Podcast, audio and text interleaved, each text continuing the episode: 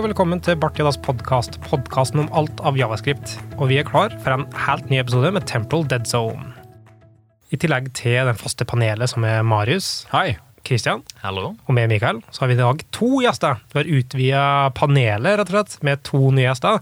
Skal vi starte med det, Jørgen? Kan du bare si kjapt om Folk kanskje husker det fra en tidligere episode, men, men det begynner å bli en stund siden.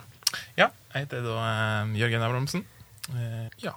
Og det var på en måte alt vi trengte òg. ja, jeg mener, jeg trenger ikke mer Snak, det. Sist, for seg sist gang du var her, da, var i 2006, tror jeg. Det tror jeg ikke stemmer på 2000 noen måte. Nei, det er faktisk ikke sant. 2016 tenkte jeg var det egentlig å si.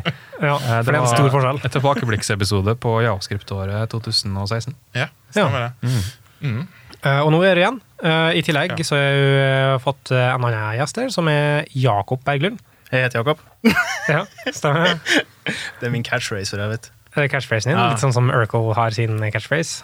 Ja. Uh, Did I do that? Typ så. Eh, Fast det er den jeg introduserer meg. da. ja. Jeg heter Jakob. Og på mange måter så høres du litt eh, fremmed ut òg, for du, du, har en rar dialekt. Ja, det er jo Folk spør meg ofte om jeg er svensk. Ja. På det svarer jeg ja. Det er et godt poeng. Så svensk svenske nummer to på programmet. Har vi hatt flere? Uh, Mathias uh, Pettersson Ja, stemmer selvfølgelig. Han i Fun Fun Function. Ja, Fun Function MPJ. Mhm. Eh, så da har gleden av å være nummer to.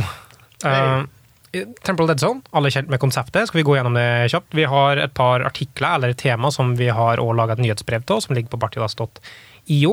eh, som vi da tar utgangspunkt i de, de eh, underliggende temaene eller eh, noe som er relatert til det, de temaene. Og så diskuterer vi det her i, i panelet. Vi trenger ikke nødvendigvis å være eh, og helst kanskje ikke nødvendigvis innholdet til selve artikkelen, eller sånn gå gjennom linje for linje til artikkelen og, og sånne ting, men bare ta utgangspunkt i de, de temaene, og så, så har vi et par meninger om det. Var det forståelig? Ja. Alle vet eh, hva som står på agendaen for i dag? ja, jeg tror det. Har du lyst til å gå kjapt gjennom eh, artiklene, eller? Det vil jeg gjerne gjøre. Uh, og da har vi en forholdsvis eh, tidsaktuell eh, tematikk i dag, som er uh, EventStream, NPM-pakke, som har hatt sikkerhetsbrudd, eh, og da er relatert til open source. Det er ikke noen spesifikk artikkel, men det er en, en sak som er lenka til de forskjellige kontekster i nyhetsbrevet. Eh, I tillegg så har vi en artikkel som jeg tror det heter så enkelt som eh, eller jeg har skrevet den oppe her som inline or caching, eh, som, som går på optimalisering av nettsida, som vi skal gå inn på. Og det er en artikkel som, som må ligge da inne på Bartidos.tio. Eh, I tillegg skal vi eh, diskutere, forhåpentligvis, eller komme til en slags konsensus over eh, fellesskapets mening rundt det, som ofte er en diskusjon, oppsummert på en mye lengre måte. Og det er et forslag i uh, ECMAScript-standard som, som er på stage 0, og det heter da pluggable types. Og så har vi en annen som heter global dis.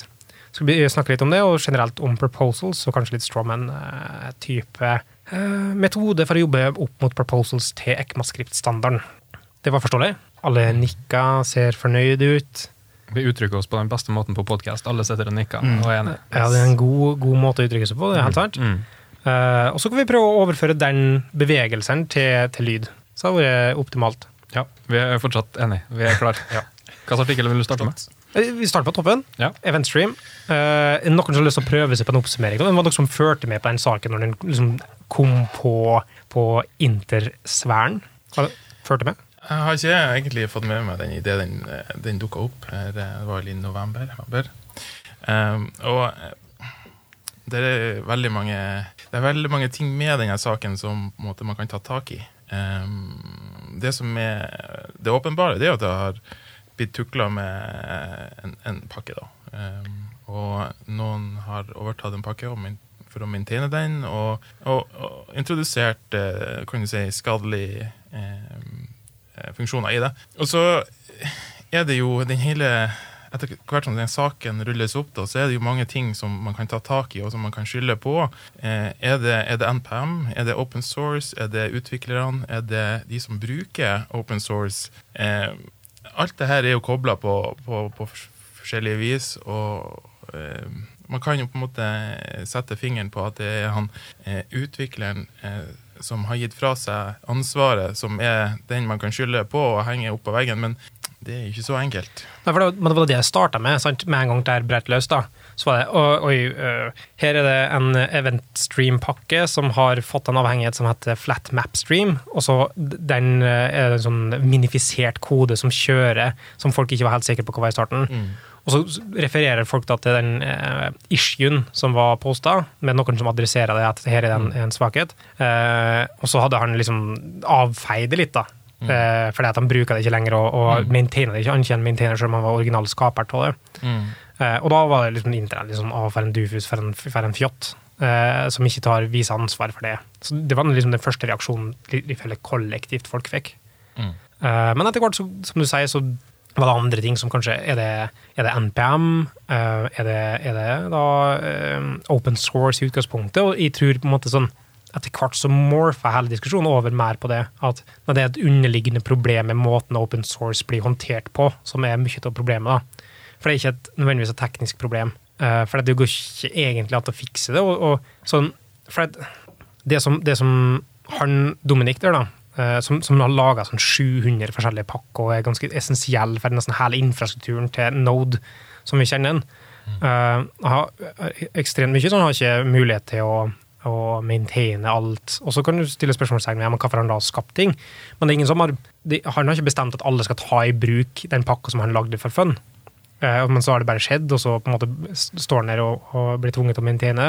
Så det han gjorde, var at han, som er jo en vanlig praksis, er å gi vekk ansvaret. Når noen viser interesse, så kan du gi vekk ansvaret, så kan noen nye maintainers, som igjen gjør at open source kan bli mer skalerbart. Uh, og dere fikk en litt kritikk i starten, da, med at ja, men du skulle ikke gitt vekk ansvaret. Og så viser det seg at den faktisk hadde, eh, den personen som har tatt over ansvaret, her, hadde gått inn og gjort systematisk arbeid og eh, lagt inn contributes over en periode for å få det til å på en måte bygge opp troverdighet, og så hadde han fått ansvaret. Så, så var på en måte han hadde gjort due, diligencen Oi, det var ekstremt bra uttalt.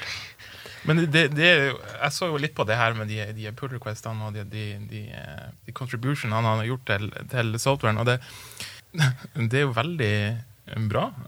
Jeg hadde ikke klart å se at dette her er en person som vil eh, pakken vondt, eller eh, økosystemet vondt. Jeg, jeg hadde egentlig gjort samme vurderinger som eh, Dominic, og, og faktisk gitt over ansvaret, Ja. i og med at eh, Dominic sjøl har 700 pluss eh, pakker å, å ta tak i. så så, så, så blir det, det en enkel avgjørelse, egentlig. For hvor mye skal du egentlig følge det opp?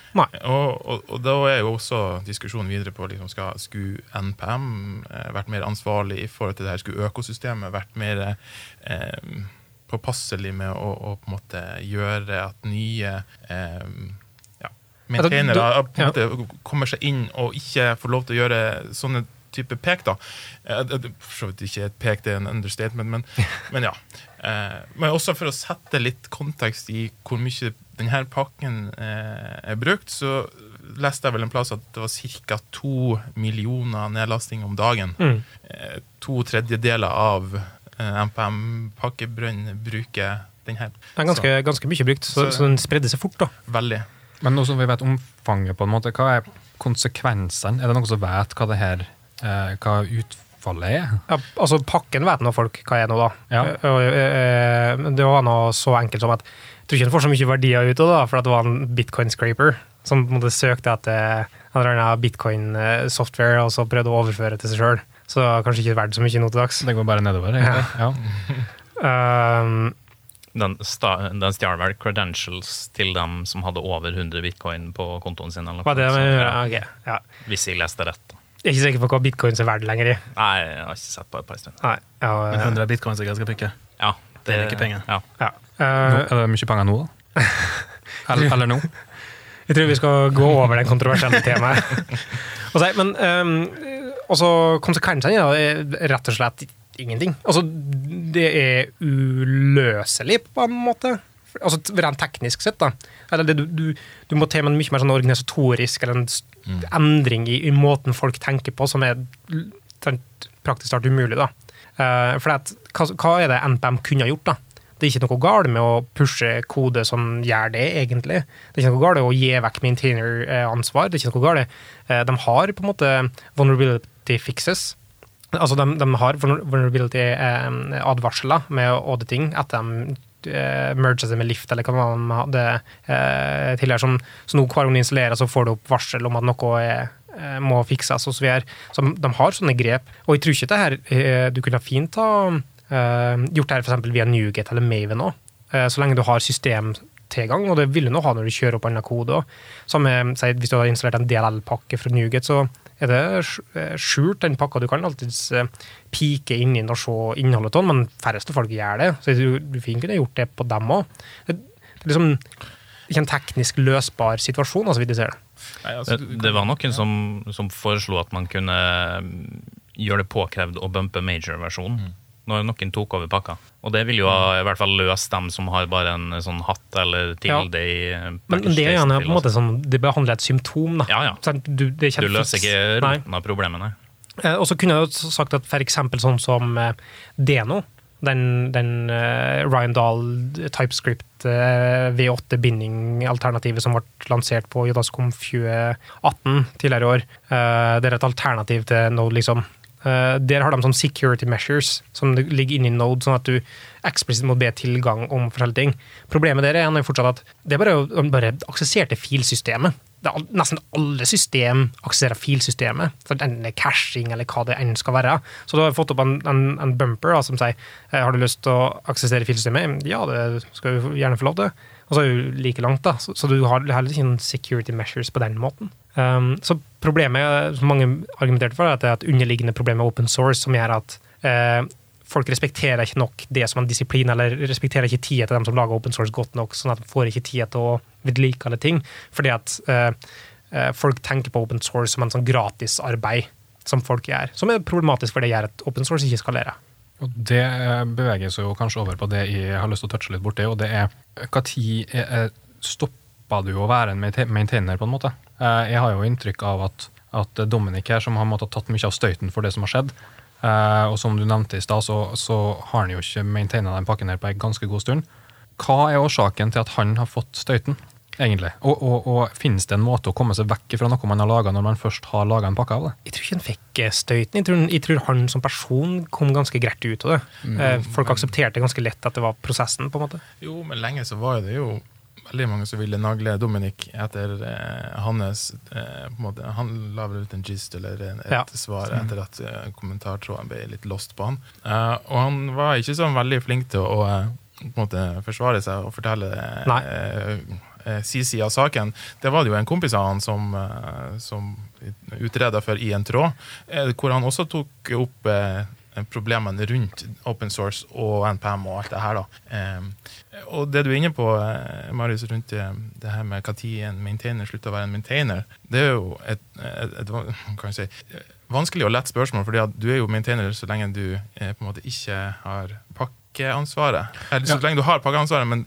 du slutter å være maintainer når du ikke har pakkeansvaret. Og da har du pakkeansvaret idet du slutter eh, å være interessert. Og det er det som skjer veldig mye innenfor open source. De har laga en, en suveren pakke, de bruker det i sine prosjekt over lengre tid. Så slutter de kanskje å gjøre den type utvikling. eh, De slutter å, gjøre, eh, å bruke, ha behov for den pakken, og så flyter denne pakken litt i det fri. Folk bruker den fortsatt. Eh, Men når denne maintaineren spør om det er noen som er villig til å ta over pakken, så er det ingen som er interessert.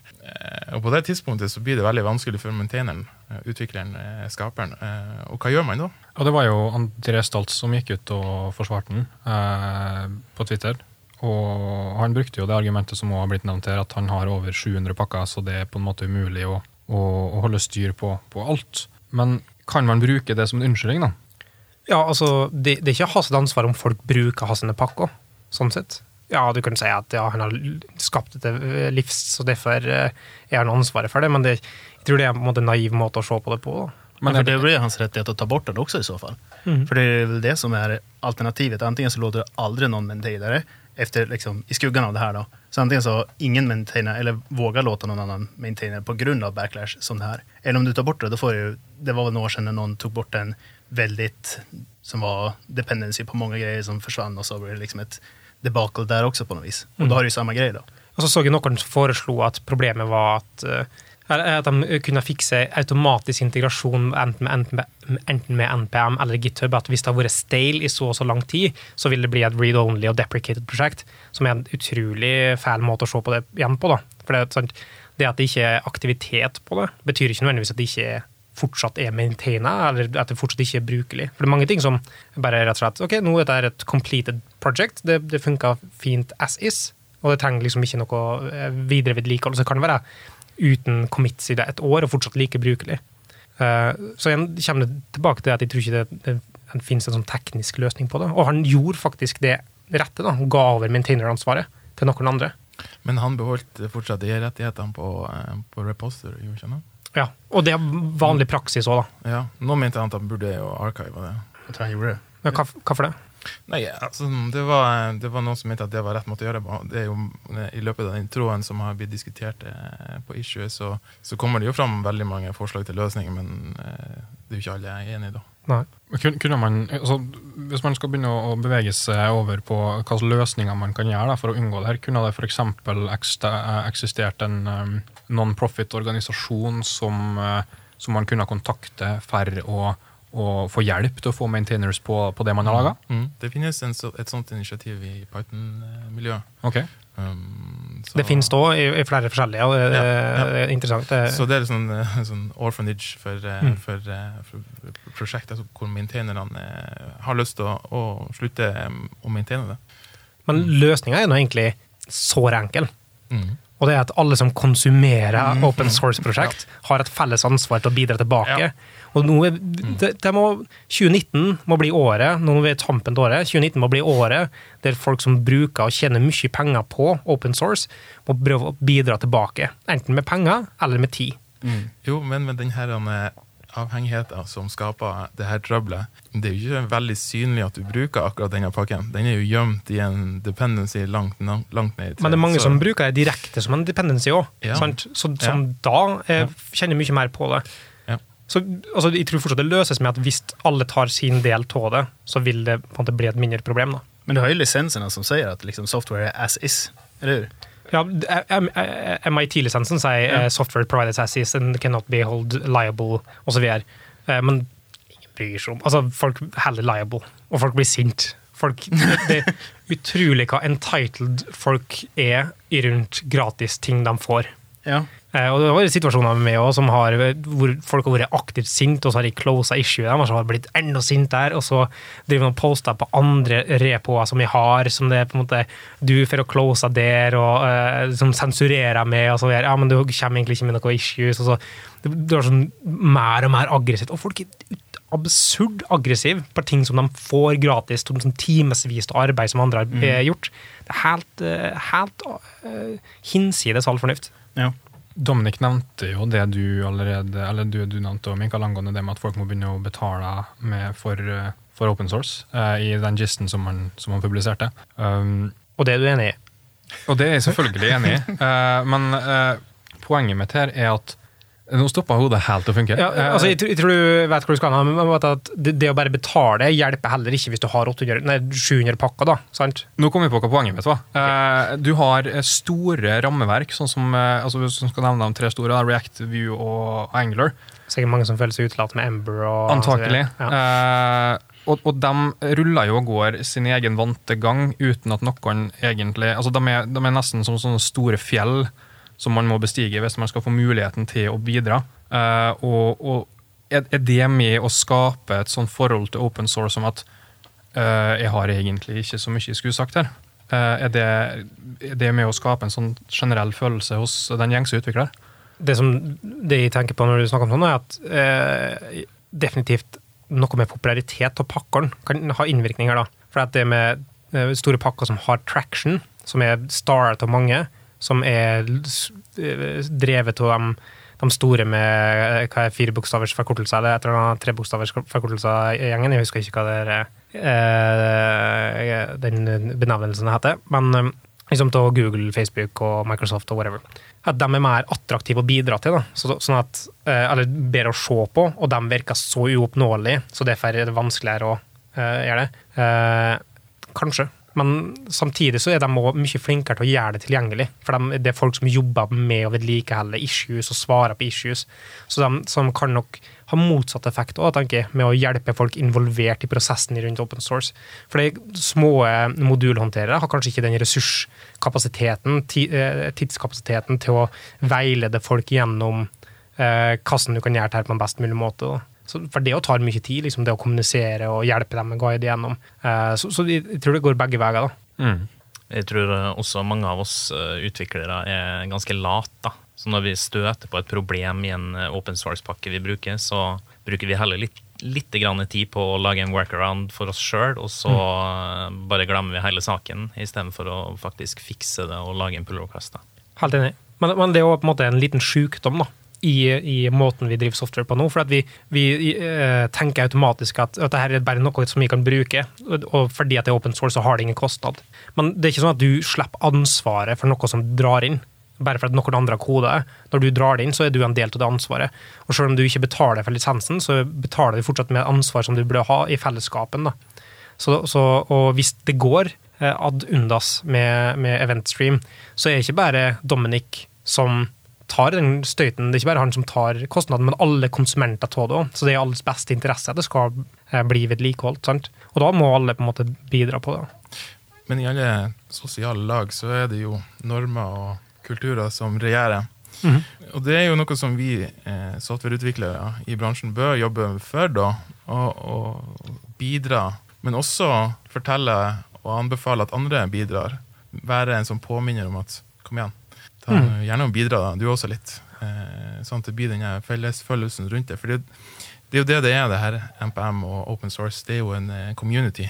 Der er ingen politi, der er ingen eh, sterke lover og regler som, som håndhever eh, de normene og på en måte kjørings- og retningslinjene som er. Sånn at vi må nok være flinke alle sammen til å, å følge opp det ansvaret vi faktisk har overfor open source. Eh, og det er faktisk å ikke bare konsumere, men også bidra. Og så er flink som eh, meningsytrere i de respektive arbeidsplassene som de har. Det å løfte opp det her som et faktisk problem. Og da tenker jeg jo både på produktselskap og konsulentvirksomheter òg. Konsulentbransjen har ofte store verdier til å bruke ferdiglaga ting, og så eh, være eksperter på det. Så får kunder får penger.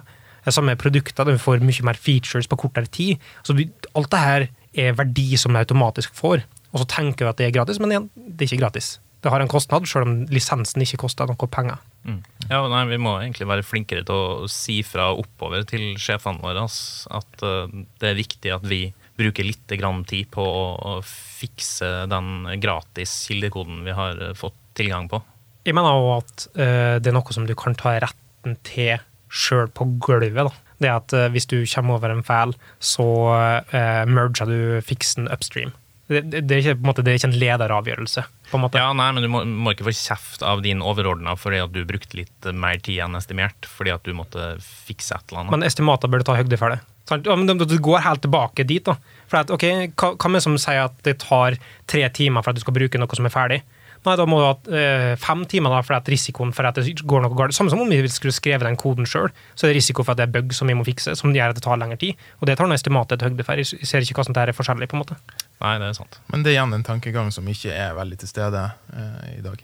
Ja, Vi er ikke der, men vi burde komme Ja. dit. Ja, Det er der vi burde være. Og det å ta den eh, takhøyden for, for eh, ekstra tid rundt et open source-prosjekt, sånn som Mikael sier, det, det er kjempeviktig. Og det starta med at vi har den meninga her nå, og så sprer det seg. Det er det er. Og før vi graver oss enda lenger ned i denne artikkelen, her, så, så vil jeg nesten foreslå at vi beveger oss videre. Men jeg syns vi kan gjenta det du eh, sa, og som Dominik også nevnte. Bidra til open source, enten med penger eller tid. Så den neste artikkelen som vi snakket om, eh, som vi da kalte inline or caching, eh, heter faktisk eh, det. Eller den heter inline or caching both please. Uh, som går gjennom liksom performance-biten. En helt det er mye mer teknisk enn det vi har diskutert nå. Uh, noe som har lyst til å prøve seg på en oppsummering av tematikken bak det. Ja, jeg kan. Uh, ba- bakom er så är det at eh, som regel for å få best performance gains nå, når man lader en sida att köra inline. Men således på neste load så vil jeg ha i cache. Oh, Men inline, så da mener du Altså bare sette hela, en hel fil i et HTML-dokument. rett inn som i en style tag med CSS-en pasta inn? Alt, ja. Ja, for da, liksom, da slipper du den eh, at det har en, request, eller en fil som blokkerer en render. Och du vil kunne rendere en side så snabbt som mulig. Ja, for da, da minimerer du antall eh, Hver request har en overhead med seg, Ja. HTTP request, så, så hvis du har det inline, så vil du slippe de parallelle requestene og håndteringa av requests. Ja, med DNS lookups eller hva, vad ja, sant. en- ja, og latency. liksom. Uansett hvor du er, så har du sikkert en minimum latency på 40 millisekunder, eller whatever. Ja, det hører. Og da, da er liksom, sånn som det er nå, da må man først inline den og sen hente en fullverdig fil som du da setter liksom expiry headers på så att den ska hålla för evigt. Mm. Men eh, det du vill ha är väl liksom att kunna ta den inline-grejen och så står den i cache. Det är det som artikeln går ut på. Liksom. För att slippa att du liksom ska ha två, liksom, en, Ja. en i HTML och sen en som är separat. Men istället så får du, liksom, om du nu tar den inline-grejen, så kan du sen skriva den till en liksom, fil innom inom situationstecken som du kan cashe. Ja. Men hva, hva, hva slags kostnad er det hvis du tar en slags fire and forget? Eh, sånn, laster inn inline, og så gjør du et, et parallelt request etter du er ferdig med alt, som bare går og henter, og så casher du den som en prefetch, da. I HTP HTTP prefetch eller, eller preload, eller kan de, hva, er kostnaden tilknyttet det? Ja, det, det er altså prefetch her er, det her er som et liksom, innan pref, eftersom prefetch nu fortfarande er ganske skal ska man si, ung okay. grej. Så innan dess på noe vis. For att det er jo fortsatt en bit fram i tid. ja. Uh, og, og, og hvordan bruker han da Hvordan gjør han cashinga, på en måte? Altså, hva Ja, du har inline, og så skal du eh, Og så skal du cashe, på en måte.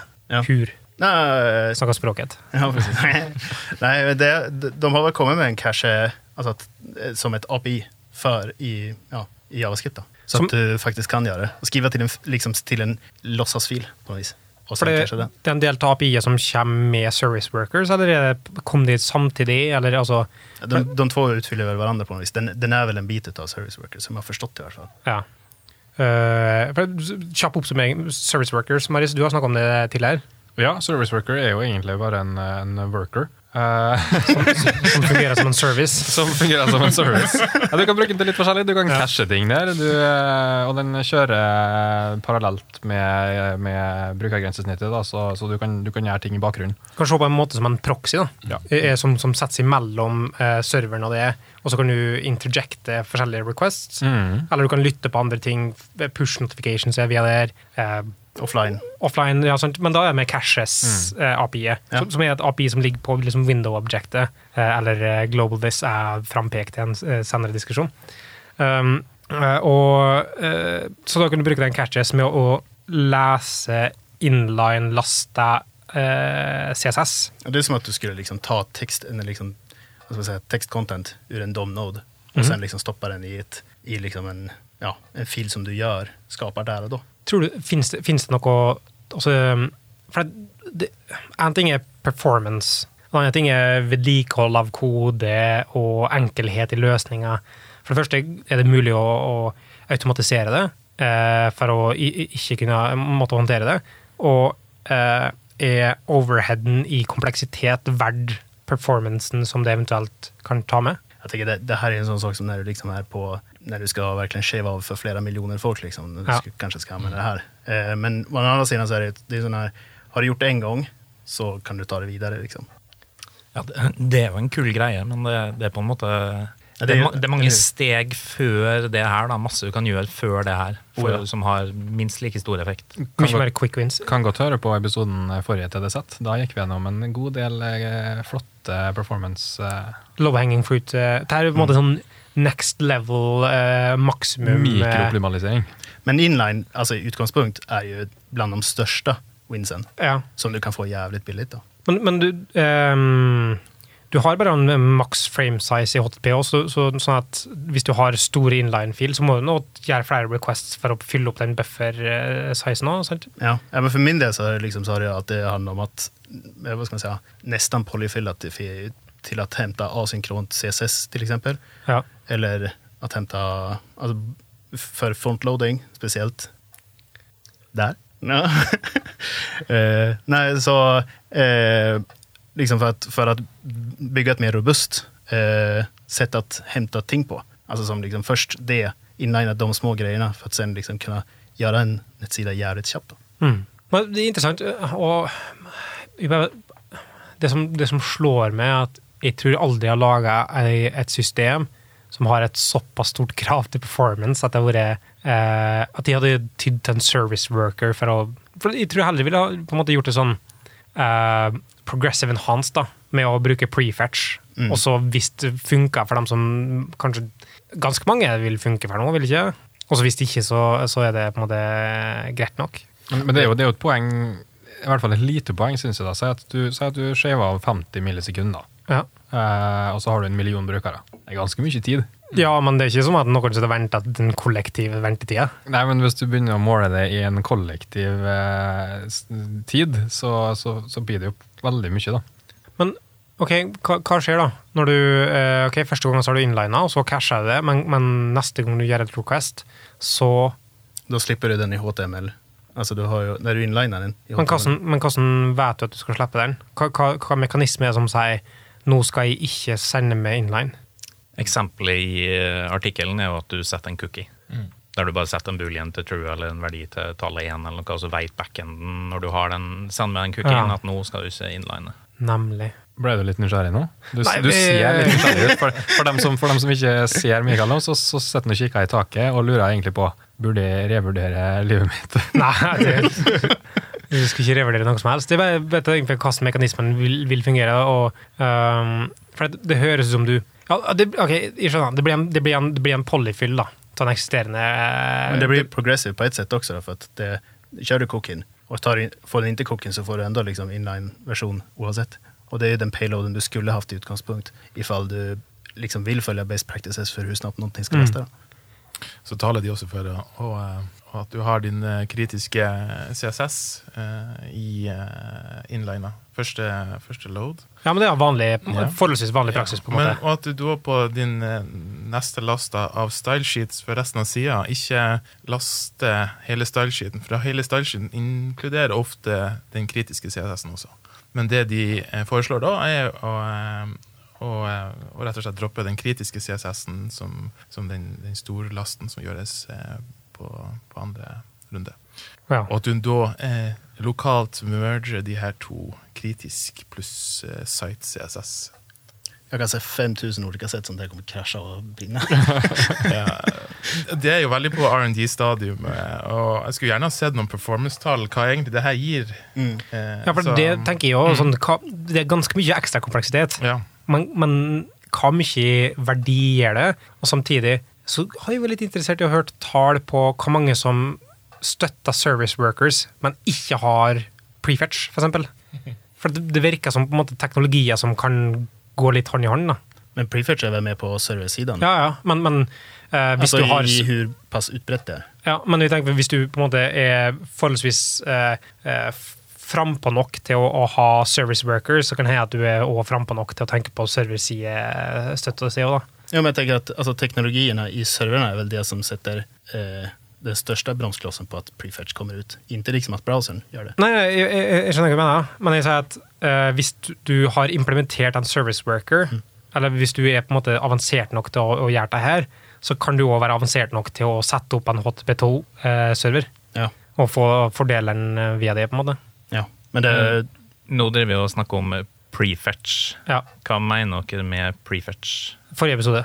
Ja, for du har, du har prefetch, som er en link-tag du kan legge inn i HTML-en din, og så har du server push, Ja. der serveren pusher. Og da må jo serveren ha et helt annet nivå av, av um, ja. ja, funksjonalitet fra ja, funksjonalitet. Ja. Um, ja, og jeg vet ikke hvordan fetch i utgangspunktet funka. Det er vel ikke noen push, det er bare eh, da, uh, går og henter og, og setter av. Men, men er ikke det jo en, eh, ikke det jo en nettlesergreie? Jo, jo, det er jo en tag du Ja. legger inn i HTML-en din, og så sier du egentlig bare, gir du et hint til nettleseren om at det kommer til å komme noe innhold på den adressa her, så bare begynn eh, innlastinga av DNS og alt det der du trenger allerede nå. da. Mm. ja, det er, jeg förväxlar de to. Mm. Ja. Eh, ja. Helt nederst i artikkelen så skriver personen som skrev artikkelen at man eh, kunne gjøre mer med det her enn bare CSS. Eh, han klarte ikke helt å se for seg hva det kunne være enda, men han var åpen for tankeeksperiment rundt det, og så skulle han oppdatere artikkelen sin etter hvert. Det er ingen oppdateringer der. Nå er jeg for så vidt ikke sikker på når artikkelen er skrevet heller, men er det noen som har tenkt noe på det? Finnes det hva annet kan man gjøre? Artikkelen ble skrevet 13.11., da. Så den er forholdsvis ny, da. Den er ganske ny, uh, så det kan hende de Men uh, kan, kan du uh, prefetche uh, templates, for eksempel?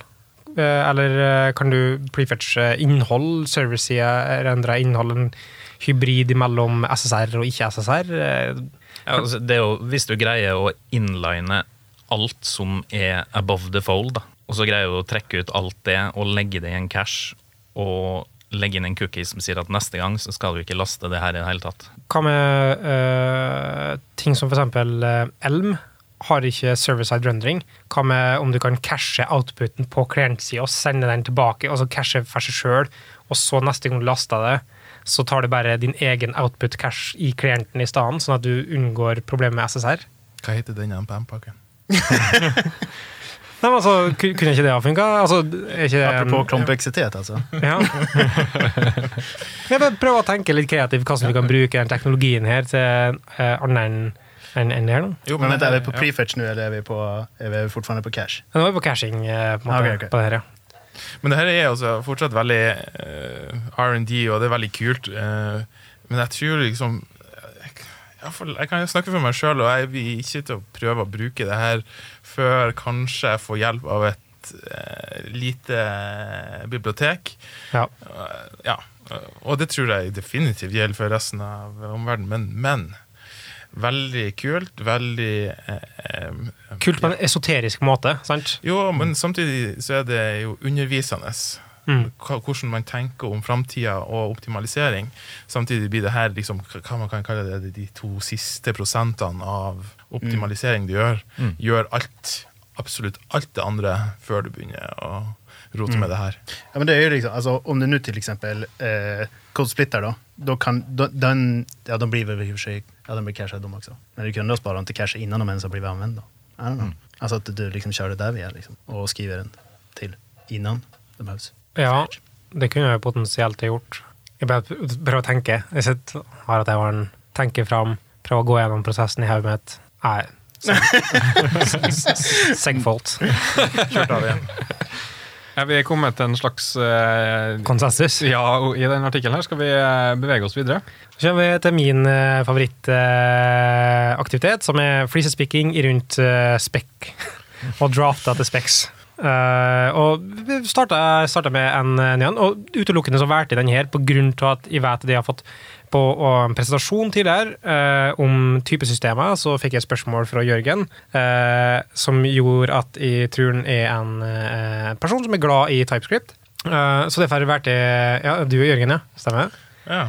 Yeah. I'm, I'm that guy now. Ja, og Kristian, vet vi fra mange episoder med, med Barty. da, Så at han er en uh, ihuga TypeScript-fanatisk eh, eh, fan. Raus med ordene dine, syns jeg. Fanatisme er det vel kanskje ikke, men eh, Nei, eh, tilhenger, da. Og det er lov. er lov, det er lov. Absolutt ingen, eh, ingen problem med det. Eh, Men det er grunnen til at jeg syns det her kunne vært interessant å ha. Da, for at, her er et proposal som heter um, så mye som uh, pluggable types. Har alle sett proposalet? ja. Det er ganske ferskt. Stage 0, som betyr at det er bare noen som har uh, gitt det ut som et forslag. Det er, ingen, på en måte, det er ikke godkjent på noe. Hvem som helst kan, kan gjøre det. Da. Eh, og eh, da har du du har, du har ingen krav til kvalitet på spekken, du har ingen eh, kriterier. Du har ingen, altså det er bare å lage en spekk og så samle inn input. Det er det som er forutsetninga. Så, så det, det sier litt om hvor det her er igjen i fasen. Så bare for å sjekke om at de forstår det riktig, stage 0 er hvermannsen som sitter og koker en idé på bakrommet og, og publiserer det på internett og ber om å få feedback. Ja. Og etter hvert så da kan du gå over til stage eh, one, som da er altså stage 0 er strawman, stage one er proposal, og da kan du få tak i eh, Da tror jeg du trenger en champion for å få det til, eller så kan det hende at du trenger en champion senere. Hva altså, er en champion? champion er noe som heter TC39-komiteen, som kan eh, representere det proposalet gjennom den fasen her. da. Hvorfor har den den pretensiøse tittelen eh, champion? Jeg vet ikke, det, det, er en, det er en vanlig prosess da, i, i spec-utvikling. så har du sånn strawman eh, proposals. Så da, Jeg vet ikke hvor det kommer fra originalt, men det er i hvert fall det det heter. Um, så så uh, vi kan spørre, da, er det noen som har lyst til å ta en oppsummering av det der? Jeg kan uh, forsøke. Det, jeg, jeg trodde jo, uten at jeg visste bedre, at det her var et forslag som kom fra TC39, Ja. eh, før du nå forklarer at det er en Værmannsen som eh, har kommet med det. Eh, men det som foreslås, er jo å få et typesystem inn i Javascript. Egentlig. Et optional, eller såkalt pluggable, typesystem. Det er så oppsummert jeg klarer å få det, egentlig. Eh, ja. Ja, så er en innebygd syntaks, Mm. som, men, men implementasjonen i bakkant kan være eh, optional. Mm. Ja, han, han sier jo i, i denne GitHub-saken her nå, så skriver han jo at han, han ikke planlegger at nettleserne skal gjøre noe med det her. Det skal bare, vi skal bare ha låst ned måten å skrive typer på. Fordi vi har eh, Flow og vi har TypeScript og sikkert en drøss med andre i dag som har sånn nesten lik syntaks, i hvert fall. Og så har han egentlig bare lyst til å foreslå at vi nå bare låser vi ned type system. Sånn her skal det se ut. Og hva får det deg til å føle, Kristian? Um, jeg ser ikke helt poenget, må jeg innrømme. Um, jeg føler det er litt, um, litt skummelt å skulle låse seg til noe uh, på den måten her nå, for det kan komme masse greier i både Flow og TypeScript og et tredje type system som, uh, som blir forhindra av at de har låst ned uh, typesystemsyntaksen da, i Mm. det proposalet her. Og eh, det, det, som du sier, strawman proposal-biten, da, bare for å ta den biten kjapt, eh, så eh, er det, kan det være som skriver det, men han har hatt reviewers som alle sitter i TC39. Så det er mange forskjellige fra TC39 som har reviewa proposalet, Okay. og, og sett gjennom det og kommet med feedback og sånne ting. Mhm. Så det er noe som folk på en måte diskuterer, da, og jeg møter på. Men jeg er enig, Kristian. Jeg ser ikke poenget. Nei? Det er helt uh, meningsløst. Altså, Men om man leker med tanken, hva skulle være bra med det? Uh, pa, pa, pa, pa, Om du var tvungen å försvara det? Liksom. Er det mer tilgjengelig? Nei. Altså, det, det er jo hvis man skulle bygge på det her seinere og faktisk ta det i bruk i nettleserne, da, at typene ikke bare blir eh, vurdert compile time, men at de er også noe runtime. Ja, For det var nevnt i, i, i proposalet, så jeg. Eh, altså ikke kassen, men at det kunne være et alternativ å få på plass det på et senere tidspunkt. Eh, Google prøvde seg tidligere med, med det de kalte Soundscript. Jeg tror vi har diskutert det mange ganger, eh, men det var foreslått en pragma key, altså sånn, sånn type på toppen som heter use strict, eksempel. Som ligger på toppen, så sier use sound. Og med det så kunne du da type-hinte eh, spesifikke, spesifikke parametere til funksjoner som sa at her er en int og andre primitive typer. Um, og, og, og der kunne det på en måte vært en sånn fot innom døra for å få til det igjen. da. Om den gikk nå uh, i vasken, den planen der. Uh, men uh, det, det kunne på sikt blitt brukt til JIT-a for å optimalisere i større grad. Eller så tvinger jeg henne til å skrive det på en måte som gjør at det kan bli håndtert i en JIT, altså just in time compilation, i utgangspunktet. For ofte så hvis du skriver kode som om det skulle vært med et typesystem, så klarer jeg jitten og, og, og andre ting å, behandle det på en mye mer performant måte i allerede. Da. Så, så det er ofte sånn, nesten unødvendig å ha type eh, hintinger i kjøretid på grunn til at eh, JIT-en er såpass god som den er uansett. Da. Ja, det, det vil jo være mer for å eh, catche feil eh, runtime, da, egentlig. Men det som vi setter spørsmålstegn med, her, da, er at hva, okay, hvis, du, hvis du formaliserer en syntaks som skal være lik For denne syntaksen er som er spesifisert med at du har typer, du har union types og du har alle den funksjonaliteten der, hva er det da som er overlagt til userland? Implementasjon til den typen? Altså, for du, du vil ha en AST-part, altså du vil ha en parser og en AST som eksisterer i, i browserland, sannsynligvis, men så overlater du den AST-en til en eller annen verktøy som f.eks. TypeScript eller, eller Flow eller Closure, og så ender du opp med å, å gjøre noe der. Men hva, hva, hva, hva gjør da? Altså, hvordan du håndterer AST-ene, har vært øh, naturlig at du har håndtert syntaksene, ikke? Ja, nei, jeg, jeg tenker at eh, det her bare vil legge begrensninger på uh, typesystemene. Utviklingen her, ja. Ja. Men, men det kan jo være fordelaktig, da. Altså det å ha begrensninger på det for å slippe at du eh, går i altfor mange retninger. Du får en formalisert prosess, du får forent eh, innsatsen på en måte. Men, men både TypeScript og Flow vil fortsatt eksistere, selv om det her blir tatt inn i standarden? Men kunnskapen på tvers det kan gå enklere på tvers. Da. Jeg, jeg, jeg, har ikke peiling. Jeg, har vanskelig for å skjønne det, så, men uh, jeg syntes det var litt interessant at eh, en interessant tilnærming for å prøve å få inn typer inn i språket. da, For det har vært en sånn diskusjon av mange med at ah, ok, kan vi ikke bare få den typer inn i Javascript, så fikser vi liksom problemet. Uh, uh, nå syns jeg ikke det er et problem med Javascript i utgangspunktet. da, Det funker akkurat sånn som intended, og inten, intention kan være positivt. Um, men så her så gjør du det sånn at ja, du kan legge på Du kan ha gyldig syntaks med typeannotasjon, men du har egentlig fortsatt ikke typer. Mm. Uh, som er på en måte en sånn slags trojansk hest i, eh, i typesystem. En trojansk type. Jeg. Jeg, jeg, jeg føler litt på at det er en sånn gjensidig enighet her om at det her er egentlig ikke noe vi vil ha, eller ikke har bruk for. Ja. Så, så, så, derfor, da skal jeg ringe TC39 og si at Ja. vi, vi er ikke interessert. du som, du som har direktenummer til dem, kanskje du gjør det. Jeg, jeg, før vi beveger oss videre, så har jeg likevel et spørsmål. For jeg, jeg merka da jeg leste det her, så hengte jeg meg mer opp i hvordan standardiseringsløpet funka, egentlig. Ja. Eh, Så jeg lurer jo egentlig på hva er tidsaspektet fra stage null til ferdig levert eh, standard, egentlig? Hva snakker vi om? Altså, jeg skjønner at det ikke er et universelt tall, det her, men eh, Nå, nå som det har gått over til årlig, årlig release, så tar de typisk det som er naturlig, å bli ferdig og går gjennom hele forløpet. Og Det kan være snakk om to år, det kan være snakk om tre år. Det kan, I i decorator-verden så er det snakk om fem år. mm. eh, siden det var først eh, Og så ble det scrappa, så ble det satt tilbake et par stages, så ble det gjort- på nytt.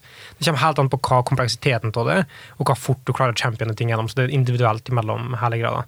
For å en sak? og det, eh, måste browsers implementera det här ifall det går igenom? Det som er en krav av TC39, er at du skal få det implementert i vendors, som en del av prosessen. Og da må du ha eh, et par implementasjoner for å etterprøve den polyfilen som du gjør. Så du lager en polyfill, og da lever den i userland, og så etter du lever den i userland, så skal du gå over til vendors og si f.eks. eh, V8, Spider, Monkey, Chakra, så, sånne ting. da, Og få det implementert der som en, en formell implementasjon. Og da først kan det gå videre. Så, så det er en forutsetning at, at vendors er med på det. da. Og det som er, utgjør TC39, altså Technical Committee 39, som står for ECMA 232, etter det jeg husker ikke nødvendigvis den standarden som er Javascript, da.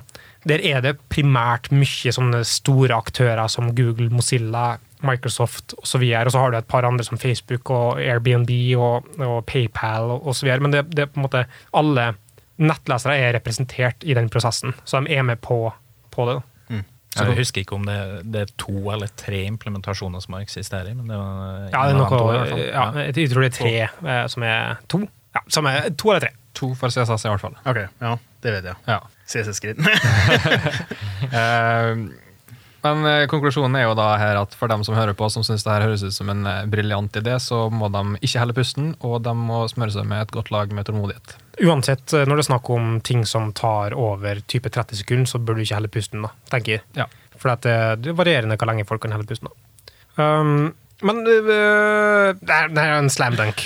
U hæ? Det går jo an til å gå inn på, eh, på, det her, eh, på det her forslaget og gå inn på issues. Der er det jo mulig å, å diskutere de her, eh, eh, det her forslaget. Hvis man er eventuelt eh, har noen, eh, noe å bidra med. Da. Eventuelt eh, forbedre forslaget. Eventuelt ja, you know. Og det, er sant, og det, og det finnes da ES Discussion som oppsummerer alle de forskjellige diskusjonene eh, to, som skjer i TC39, og alt dette er åpent. Og det som er, det som er kjekt med det, er at det er en åpen prosess med forslag inntil inntil her. Eh, som du sier, da, så kan du gå inn på issues også, og det er en, er en issue på den eh, proposalet, så det har ikke tatt helt av ennå. Er det noen som krangler på navnet? Eh, fr- frampek. Um, men uh, uh, issue-tittelen er 'Sounds wrong to me'. Uh, og, og så argumenterer jeg for hva, hva, er egentlig poenget med det her, da. Uh, og så svaret på noen som sier jeg tror ideen er at du skal standardisere type syntaks, som vi har vært inne på. på en måte. Uh, så, men de syns konklusjonen er på en måte at er det behov for det? Og det er ikke en klokkeklar feature eller en klokkeklar eh, mening med det. Folk klarer liksom ikke helt å rappe hodet rundt det. Hva, hva, er, hva er vi prøver å introdusere her? Eh, Da er det selvfølgelig veldig vanskelig å få en konsensus rundt akkurat det, et forslag. Så det er godt mulig han har noen meget velvalgte tanker basert på veldig mye erfaring, men personlig så klarer jeg liksom ikke helt å, å se en, en veldig tydelig Nei. nytte. Enig. Vi holder oss i standardiseringsverden, eh, og kanskje en like kort eh, diskusjon som det her var, og en like sånn eh, For nå er vi over på det vanskeligste mange påstår. Vi har vært innom cashing tidligere i dag, som er en vanskelig ting med software. Nå skal vi inn på en annen vanskelig ting, som er navngivning. For her er det et forslag om en ny proposal som, som er i stage 3, som betyr uh, at den er kommet ganske langt. Og, og mm, helt spesifikt skal vi se hva det betyr. Hvor mange nivå har vi? Eh, fire. Ja. Så eh, det er et kandidat, eh, betyr det da. Eh, og da er det skal alt det, Alt semantikken og be- betydninga av det er ferdig. Og da skal det formaliseres og lages eh, til eh, en spekk, og så skal forslaget inn i spekken. Eh, og så er det bare da å få det ut i stage fire, som er at det er implementert og alt er OK, og det skal ut og er shipping. Så stage 4, da er eh, spec compliant, stage, nei 3 spe- spec compliant, stage 4 er at det skal ut. Eh, Og da når det, når det er i stage 4, så betyr det at neste årlige release vil inne- inneholde. Så alt som er stage 4 er på en måte klart å inneholde eh, til å bli shippa. Og det som da er i stage 3 her, er da altså, Mikael Det er en, eh, en variabel, en global variabel. Eh, jeg vet ikke hva vi blir, men eh, det er fordi at eh, eh, det er en global variabel som heter global. Og mange er sikkert kjent med ting som i nettleseren, som er window, eller i Node Node.js, som er global, eller i eh, eller uh, i mange andre plasser som, som har det å uh, Skal vi se, this kan du bruke i enkelte situasjoner, osv. Og det som er problemet, er at nå er vi på tvers av forskjellige løsninger med javascript, så er det samme språket, men det er forskjellige måter å, å bruke det på. Og det har endt opp med at du, for å få tak i det globale objektet, window, global, whatever, så må du ha sånn duck-typing-type sjekker som sier er, er, global tilgjengelig, da eh, skal vi mappe det til det, er window tilgjengelig, skal vi mappe det til det, osv. Og, og det skader på en måte den um, kryss, eh, kryssløsningsmuligheten og opsjonen til samme bruk av kode på tvers av forskjellige løsninger i, eh, i Javascript. Så derfor er det et forslag om at du skal lage en ny variabel, og i utgangspunktet så var det global. Men sånn som hvis noen husker en tidligere diskusjon vi har hatt her på Bartidas podkast, så eh, krasja det med eksisterende kode. Praksisen i nett, eh, eh, nettlesere er at hvis noe ikke funker, hvis noe brekker bakover kompabiliteten, sjøl i userland, med du gjør, eh, hvis det er store nok endringer, så skal det ikke eh, rulles ut. Og her er det da, siden mange har brukt Global fra før av, så kan de ikke bruke navnet Global, eh, og da må de finne et annet navn. Og hva skal du da bruke? Det er- diskusjonen.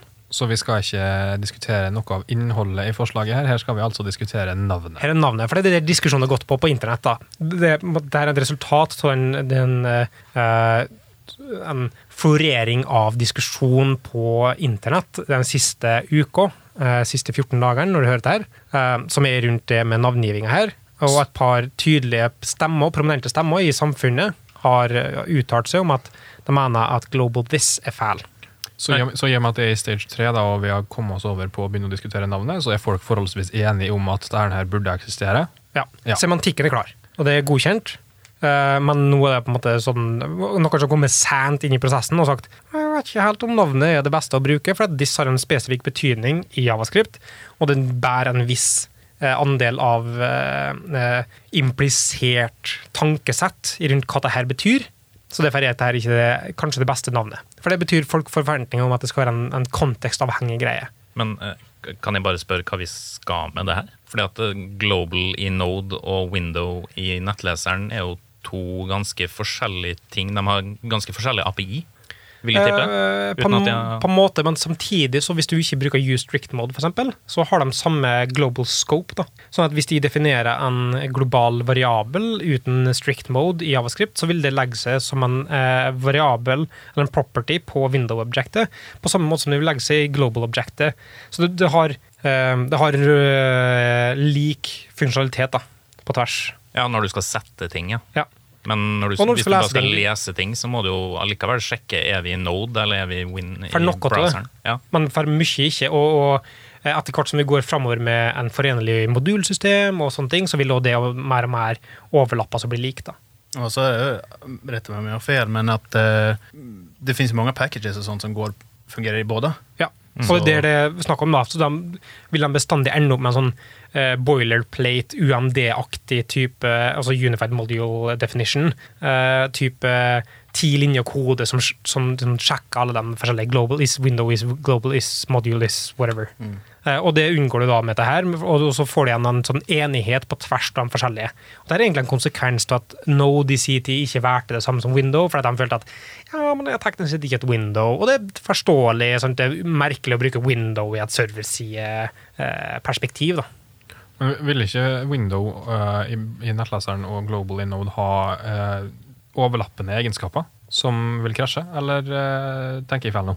Hva slags egenskaper som er overlappende? som Jeg har krasjer, ikke spesifikke eksempel, det var bare en tanke som poppa inn hos meg her. Ikke så vidt jeg kommer på, og jeg antar at de som har spekka opp det her og har undersøkt det mye mer dypere enn det jeg har gjort nå, da.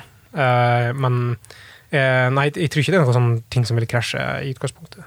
Men i motsetning til eh, Global og Window, som er på en måte toppnivået av det du kan nå i en, eh, en eh, ja, i, i, i, miljøet, da, Ja. så er jo this mer en sånn flyktig variabel som måte Ja, this funka ikke, og, og, og this, ikke bare det, men this har en annen kontekst òg, i, i javascript. Og dermed så, så har, man, har man jo kommet til, til den diskusjonen som eh, i dette tilfellet er et issue på proposalen, og har blitt betraktelig mer eh, populær å diskutere enn en forrige issue. Og til og med blitt closa, sånn at ja. uh, hadde det ikke vært for den direkte linken, så hadde ikke jeg eh, nødvendigvis sett det. Um, men igjen så, så, så bærer det her jo litt preg at her er det bikeshedding ute og går. Eh, Alle har jo gjerne en mening om hvilke farger sykkelskuret i bakgården skal ha. Uh, samtidig som at jeg har veldig forståelse med det at eh, det å putte global og this sammen er litt sånn vanskelig å vreppe hodet rundt. Og så har this en litt sånn turbulent eh, historie i javascript-land, som Og- er litt sånn vanskelig fortsatt. Og det er der det kommer fra, da, tror jeg, i diskusjonen. Og så og tenker jeg jo at ja, det er bikeshedding, jeg er enig i det, på en måte for navngiving, men samtidig, når noe skal inn i en standard og leve av alle praktiske formål i evig tid, hvis du ikke tar deg tid til å diskutere implikasjonene til navngivning da, så kan du aldri gjøre det. sant? Så det er kanskje rett å ta seg den diskusjonen, selv om det er litt flisespikking, selv om det er litt bikeshedding, som du sier, så, så må vi prøve å tenke på ok, er, hva, hvordan er dette her for nykommere? Hva betyr this her? Global this? Men det betyr ikke sånn som this, for at i, i javascript så kan du bruke this som av og til map etter window, men av og til ikke map etter window. Men det er ikke sånn som global this. Hva, hva betyr global this i den konteksten? Jeg kunne brukt I, i javascript kunne jeg brukt with statement, som jeg nekter nesten for at noen har brukt uh, her. Men altså, teknisk sett så kan du overwrite verdien av this da, og sette det globale scopet på den måten. Men det tror jeg ikke du kan gjøre med en global this. Sånn at eh, det vil ha forskjellige semantiske betydninger, men det vil hete det samme, eller implisere det samme. Og, og, så, så det kan være problematisk. Uh, og han doktor Aksel, da, som har tuality.com, som, som har posta den initiale issuen som sier eh, Jeg kommer ikke på, jeg klarer aldri å uttale etternavnet hans, derfor jeg kaller han doktor Aksel. Det er ikke som at vi måtte etablert doktor Aksel som en sånn entitet i, i samfunnet som alle burde kjenne til. Bare at jeg kommer ikke på etternavnet hans. Rauschmeier. Oh. Eller noe lignende. Har du har det på skjermen fra meg? Nei. Det Jeg bare husker. Rett fra hofta. um, som sier da, kanskje, kanskje vi skal kalle det global object. Sånn. Men sem, teknisk sett så er det heller ikke et objekt. Men er det the lesser of two evils? Hva tenker folket? Skal vi ha en avstemning? Ja, la oss rekke hånda i været, så ingen ser det. Ja. Ja, det Nei, Marius, mener du? Nei, jeg tuller. uh, Jeg mente at du liksom rakk opp hånda nå. Jeg vet ikke. Men jeg får bare spørre. Er är det ikke this, om du bare skriver det, Da, altså, så här, liksom, loggar det i konsolen, Da er vel this window, og ifall du ikke er Av og til. Ja. Men ikke hvis du er en funksjon. Nei, det, nei, nei det er så klart. Ja. Men da er ju... Og hvis du bruker en with statement, eh, som er et with, og så setter du et objekt inni der, og så har du et scope, så vil du overskrive verdien av this innenfor det statement, eh, den, eh, den blokken. Ja. Mm. Eh, eh, som, som også da på en måte gjør at det oppfører seg litt annerledes. Nå har jo Kyle Simpson kommet på banen, som er forfatteren av You Don't Know Og en, og Javascript-bokserien. en kjent pedant. Ja, og et, et, basert på bøkene hans så virker det som man tenker veldig mye på de der eh, litt sånn detaljdelene av Javascript. Han har jo kommet og sagt at uh, Jeg tror faktisk han skrev på Twitter at han uh, kom til å stå på Eller I will stand on my hill until the day I die, eller lignende. Ja, han I, will. I will die on the hill. Det er et hill, vanlig idiom, idiom å bruke i, i Ja. språket. Så han var veldig bestemt på at dette her, eh, det får da finnes grenser. Men, men samtidig så er han en person som er veldig bestemt på det meste i, som han uttaler seg om. da. Han er en ganske sånn binær type. Sant? Så, det er ikke sikkert at han har rett for det. Nei, på ingen måte, men uh, når han uttaler seg så sterkt, så, så, så er det noe i det. da. Samtidig så stusser jeg litt over uh, responsen til dem som har kommet med det forslaget her. Fordi at uh, jeg tror det, den, initielle responsen på denne tilbakemeldinga om at Global This kanskje ikke var det riktige navnet, var det her er det vi har valgt å gå med. Eh, og, og det var det jo flere i den issuen som reagerte på. De leste nok antakelig litt mer eh, mellom linjene og tok det litt krassere enn det det kanskje i utgangspunktet var ment. Ja. Men eh, det var ikke å be inn til diskusjon, i hvert fall. S- Sa du hva meninga til Kyle var? Eh, Kyle mente at med eh, doktor, Aksel? ja, han mente at eh, hva som helst, bare ikke global this. Jeg tror han mente global context, scope og, eller global scope og global self i stedet. Ja, men jeg tror ikke global context for global context blir samme som global this. på en måte. Så jeg tror ikke en sa global context. Jeg har notert i notatene mine. Ok, da tar jeg feil. Og Global Self, det blir vel egentlig- Python i. Ja, det blir jo egentlig Global This. Men vi har en ting som, som jeg syns er nærliggende som ingen er. Det er noen som har diskutert, eller mange har diskutert det med underscore, underscore, global, underscore, underscore. Men hva med underscore, underscore, global, bare? Samme som underscore, underscore, uh, dear name i, i eh, Node-verden. Det kolliderer jeg ikke med noe, og det er på en måte allerede etablert eh, praksis og navnegivningskonvensjon med eh, globale injiserte variabler. Selv om det ikke er miljøet som injiserer det, så er det kanskje en forskjell der. da. Så det er kanskje en bedre med underscore. Tror du ikke det bryter noe også, da? Nei, jeg tror ikke. Nej, det hadde ikke forvånet mig. Liksom. Ja, noen som argumenterte med at underscore, underscore, underscore, underscore som suffiks og prefiks er allerede etablerte også, via proto, for eksempel. Ja. Uh, men det er jo på en property, og ikke på en, på en, som en variabel. Men det, det er jo ikke vakkert, da. Så du skal skrive det her 100 ganger i en fil, så Ja, men hvis du skriver det 100 ganger i en fil, så gjør det noe horribelt gale med koder er på. Syns du det? Altså, det burde nesten være litt smertefullt å bruke. Uh, men, men det er litt sånn i, i, i kantene til en diskusjon her, da, en diskusjon som vi har hatt tidligere òg, rundt uh, smoosh. Smoosh ja. prevent Nei, eh, eh, flat, eh, flat map, og, eller smoosh map og smoosh, som er at eh, ting her kolliderer, brekker eksisterende oppførsel, så det får eh, man finner noe annet. Men det har vi akseptert nå, sant? Det, nå er vi enige, ok, det er bare slik nettlesere gjør det. Du rister på hodet, Kristian. Ja, jeg begynner jo, at Når jeg ser på liksom den, eh, det er en issue her på det her proposalet, der de lister opp liksom alle navneforslagene og hvorfor vi ikke kan bruke det. Ja. Og det er ekstremt masse sånn det, Nei, Node Tynt, da, bruker det her. en ja. Spesifikk nettleser bruker global med store bokstaver osv. Det blir veldig sånn Du skal ta hensyn til utrolig mange. da. Men det- Hvordan ser framtida ut, er det første jeg tenker. Ja, egentlig. det er så fantastisk med nettleseren at du, du kan skrive nøyaktig det samme som du gjorde i 1994, og så funka det en dag i dag. Det er magisk! Nevn ett system som kan gjøre det samme. Ja, men Når du setter da 30 år fram i tid og lager noe fantastisk genialt, og så må du bare kalle det noe arbitrært for at alt annet er tatt La oss være ærlige, Marius. Om 30 år så kommer vi til å skrive nøyaktig samme måten som vi skriver en dag i dag. Jeg tenker vi kaller det for That Global. That That global. Det var noe som eh, faktisk foreslo The Global. The Global? Ja, Ok. eh, så det er artig. Men eh, Det, det hadde jo eh, vært flott om man kunne hatt en sånn der pragma eller et eller annet sånt som sier use Ja, men du uh, new fragmenterer. Ja, økosystemet så himla mye det at du skal ha use strict, uh, use stricter, use strict 2.0 error. Uh, jeg vet ikke, men eh, Så det blir vanskelig, det òg, da. Ja, det er jo i så fall hvis du kunne ha sagt use ES6 eller use ES et eller annet, og så velger man å ta vekk Ja. eh, noe og legge til noe i nye ES-versjoner. Eh, jeg, tror det er vanskelig å komme det, er en interessant problemstilling som vi kommer til å møte opp i, i etter hvert som spekken utvikler seg mer og mer. Det at det kolliderer med ting. Jeg vil bare nevne at eh, sånn som med Smoosh, så er det noen som er så interessert i dette her, at de da Og det er da igjen eh, han, skaperen til Prevent Smoosh-pakka. Som er en polyfill som går og ødelegger eksisterende oppførsel for Smooch. Som eh, da André Staltz, som har laga en pakke som heter Prevent Global This.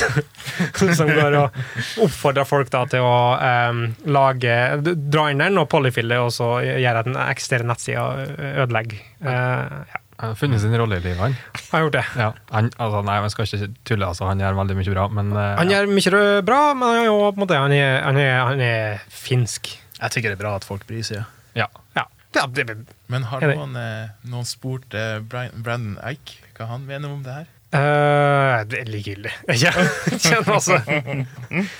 Uh, nei, men på mange måter som uh, at folk har uh, At Dominic prøvde å gi over maintainer-ansvaret til noen andre, så har Brandon Nike mista maintainer-ansvaret for, eh, for Javascript for lenge siden. Etter det ble standardisert og i ECMA-organisasjonen, så er det noen andre som har tatt ansvaret for det. Eh, selvfølgelig så bærer ordene litt en vekt, men samtidig så trenger det ikke bare altfor mye vekt. Eh, men ja. Jeg tror det var det. ja. Noen som har øh, andre øh, perspektiver før vi runder av?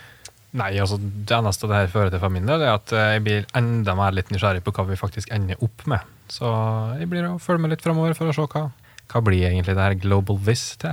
Jeg vedda 100 hinkinger på Global Object. Hei, spennende. Noe som eh, høyner den, eh, det veddemålet. Om jeg vedder imot, da, og så sier jeg bare at det ikke blir det, Ja, da vinner jeg. om- Ja. det gjør det. Men blir det Global Object, så må du ta 150 hinkinger. Det er mange hinker. Ja. Vad er en hink da, for noen som er svensk? Er det en sån här... Vi hopper, hopper på en fot. på en fot. okay. Det var, du, altså. ok. Ja men det, det var easy bet. Hva heter det på svensk? Jeg hopper på ett ben. Nei! Vi har da et ord for det. På norsk, liksom. På norsk, norsk så var det 40 ord for å hinke. Ja, precis. Fyr, fyr, fyr. Tusen øh, takk for oppmøtet, både Jørgen og Jakob, og selvfølgelig det faste panelet Marius og Kristian. Og jeg vil gjerne takke meg sjøl, jeg som møtte opp, Mikael.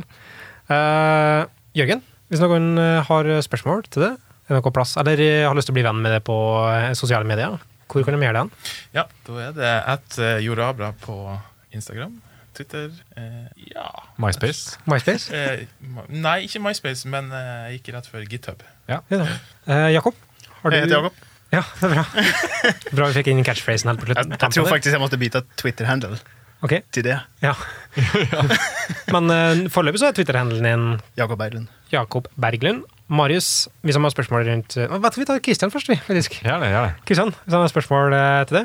At Larifax på Twitter. Larifax, ja. Kan du stave? Nei. Marius, hvis de har spørsmål rundt produksjonen til partiet Odas, eller andre spørsmål eh, til det direkte, har de en plass du kan bli kontakta på? Da kan folk skrive til meg på Atkrakels på Twitter. At krakels på Twitter, ja takk. Uh, men jeg kan stille spørsmål til via Bart underscore uh, Jodas. Bart Jodas, sa jeg det? Du sa det. Ja. På Twitter. På Eh, Twitter. På Twitter, ja. Ja. Eller på direkte personlig kontoen min, at Mikael Brevik. Nå gjenstår det egentlig bare å si takk for at du hørte på. Så høres vi i neste episode.